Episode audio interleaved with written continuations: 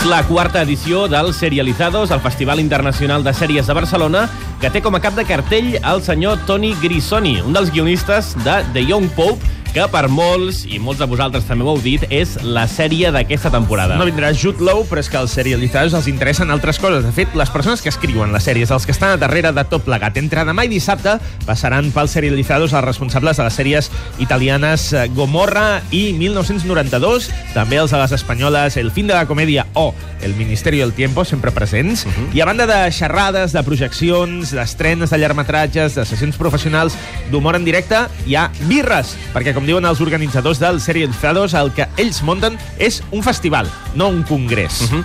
I nosaltres hem parlat amb en Víctor Sala, que és el codirector del Serializados Fest.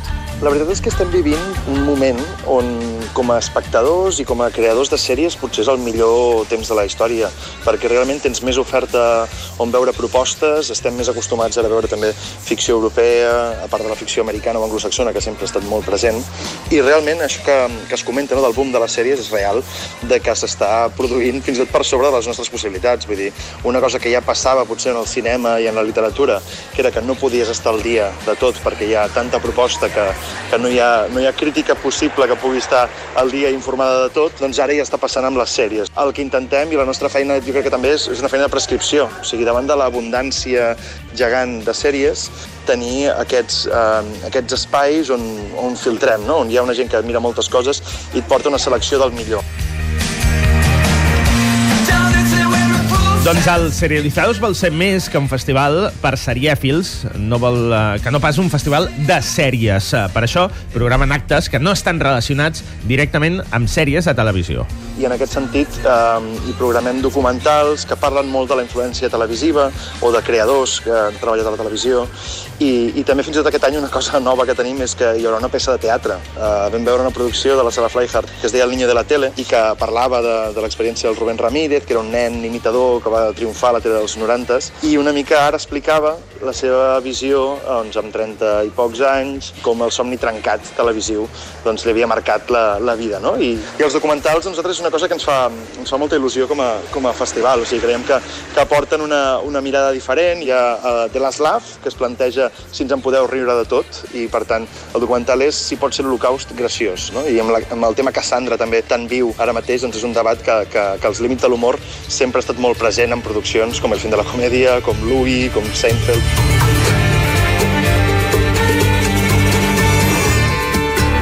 Doncs aquest documental que ens deia en Víctor, The Last Laugh, aquest documental sobre si es pots fer humor de l'Holocaust, un documental que els hi pregunta directament a supervivents d'Auschwitz, et fa gràcia aquesta broma sobre el nazisme, sobre eh, l'extermini jueu, doncs és una peça que es passa al, al Serializados i que nosaltres entrevistarem la seva directora. Serà al programa de demà passat, que serà dijous. I amb una altra d'aquestes sessions que no se centren en una sèrie, però sí que tenen una relació molt clara, també hi ha una sessió divendres al CCCB, on es passa un documental sobre la figura de Chicho Ibáñez Serrador. Ha estat un any molt Black Mirror, ha estat un any on tots hem parlat molt de Black Mirror i el seu referent més semblant podria ser The Twilight Zone, no? la dimensió desconeguda, però no, no ens hem d'oblidar que, que Televisió Espanyola va tenir un format, una sèrie precursora i similar en temàtica i estil, que va ser Històries per a no dormir, creades per Chicho Ibáñez Serrador, i que val molt la pena reivindicar aquesta figura, que moltes vegades ens quedem només amb els noms anglosaxons, i en aquest cas hi havia un xilè que Televisió Espanyola va fer molt bona feina i que jo crec que també d'aquesta corrent de cinema actual que veiem J. Bayones, Balaguerós, Paco Plazas, també veuen molt d'aquesta feina a Històries per a no dormir.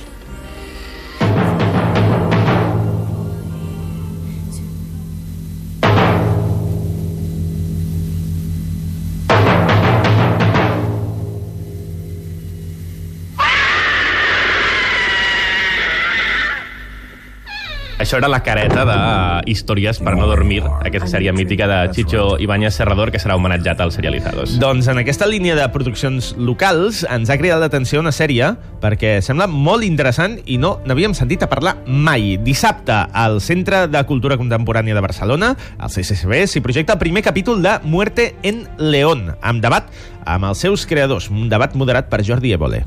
Una sèrie de no ficció, molt a l'estil de Making a Murderer o The Jinx, però amb una temàtica molt dura, com és l'assassinat de la presidenta de la Diputació de Lleó, i una anàlisi sobre que si els jutjats han fet bé la seva feina o no. no? I, i són sèries molt necessàries i, i, que, i que val la pena reivindicar i que potser no han tingut el, el reconeixement públic que, que mereixen.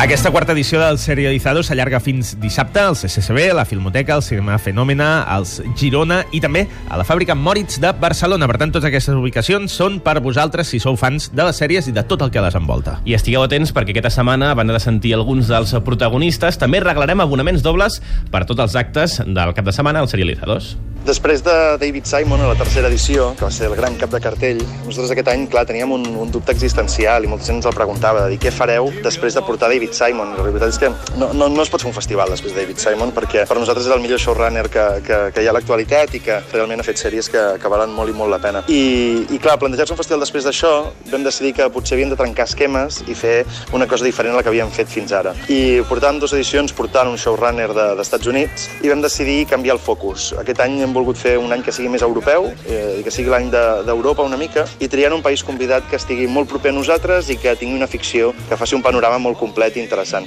Haguéssim pogut triar Bèlgica, Noruega, Dinamarca, perquè fan ficció molt, molt bona però ens va semblar que a Itàlia, tant per proximitat com per maduresa, com per sèries que ens han sorprès molt, vull dir, 1992 és una petita delícia que parla sobre corrupció política, però d'una manera molt, molt ben, molt, molt, molt ben finada. Després, Gomorra em sembla un acte d'heroïcitat, adaptar la novel·la de, de, bueno, el llibre de Roberto Saviano i fer aquesta sèrie tan icònica, a més, amb una primera temporada on passéssim per Barcelona, parlant de la màfia vivint a Barcelona tranquil·lament, que és una cosa que la ficció d'aquí no s'ha pogut mostrar i que, en canvi, sí que veiem que la ficció italiana, en aquest cas, és més, més madura. I després de Young Pope, Paolo Sorrentino en la televisió, que, que és, una, és una bizarrada, és una meravella, és una cosa molt estranya, però que a nivell de guió és, és una sèrie com no hem vist abans, i a nivell estètic és una preciositat.